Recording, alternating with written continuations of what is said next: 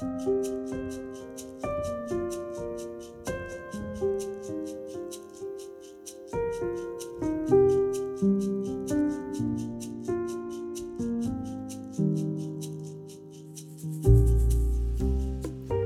var den lengste fredagen.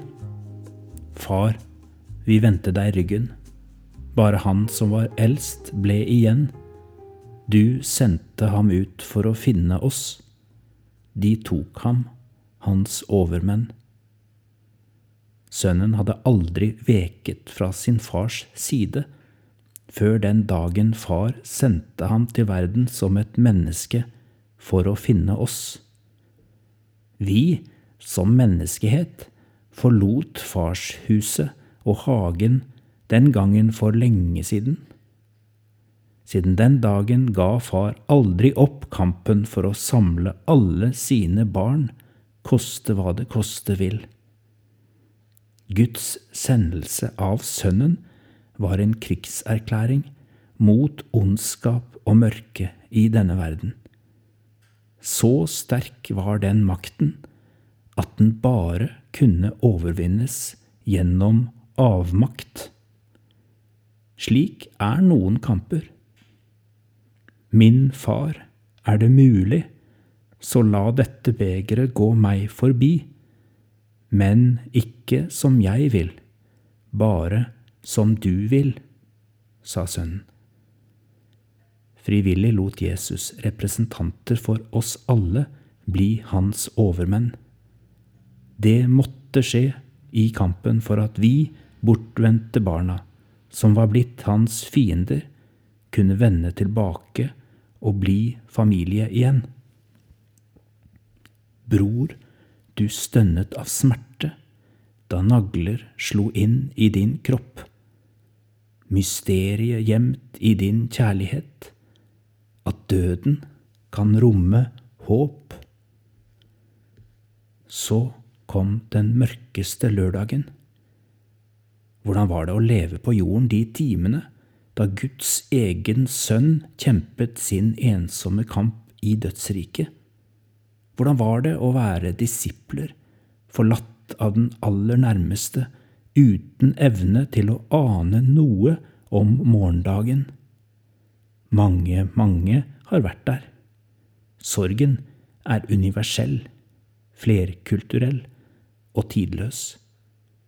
For store deler av menneskeheten er selve livet som en påskelørdag midt mellom gårsdagens tap og uvissheten om morgendagen. Hopper vi rett til påskedag, kan påskefortellingen fremstå veldig gul nesten glorete.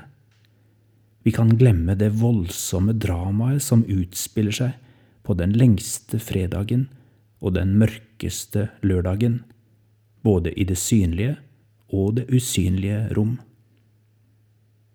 Mens noen bar en kald kropp inn i Josefs grav, kjempet Jesus en desperat kamp, ikke mot kjøtt og blod men mot makter og åndskrefter, mot verdens herskere i mørket, mot ondskapens åndehær.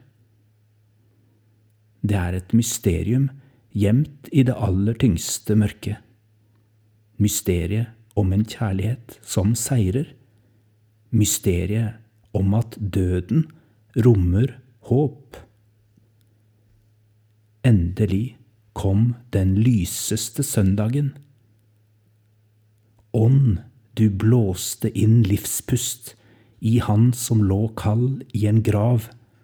Da skrek mørkets krefter i bunnløs angst, fordrevet av åndens krav. Da vendte livet tilbake, på en slik måte at døden egentlig aldri mer kan få skikkelig tak. Jo, de fortsetter å skrike mørkets krefter, og døden rammer fortsatt ofte urettferdig og brutalt, men mørket er egentlig fordrevet. Nå vet vi mer enn disiplene gjorde på den mørkeste lørdagen. Vi kjenner den lyseste søndagen. Vi behøver ikke å leve som om påskedag ikke har skjedd, for Jesu oppstandelse vitner om slutten på denne verdens fortelling, og den lyseste søndagen bærer bud om at den nye fortellingen allerede har begynt.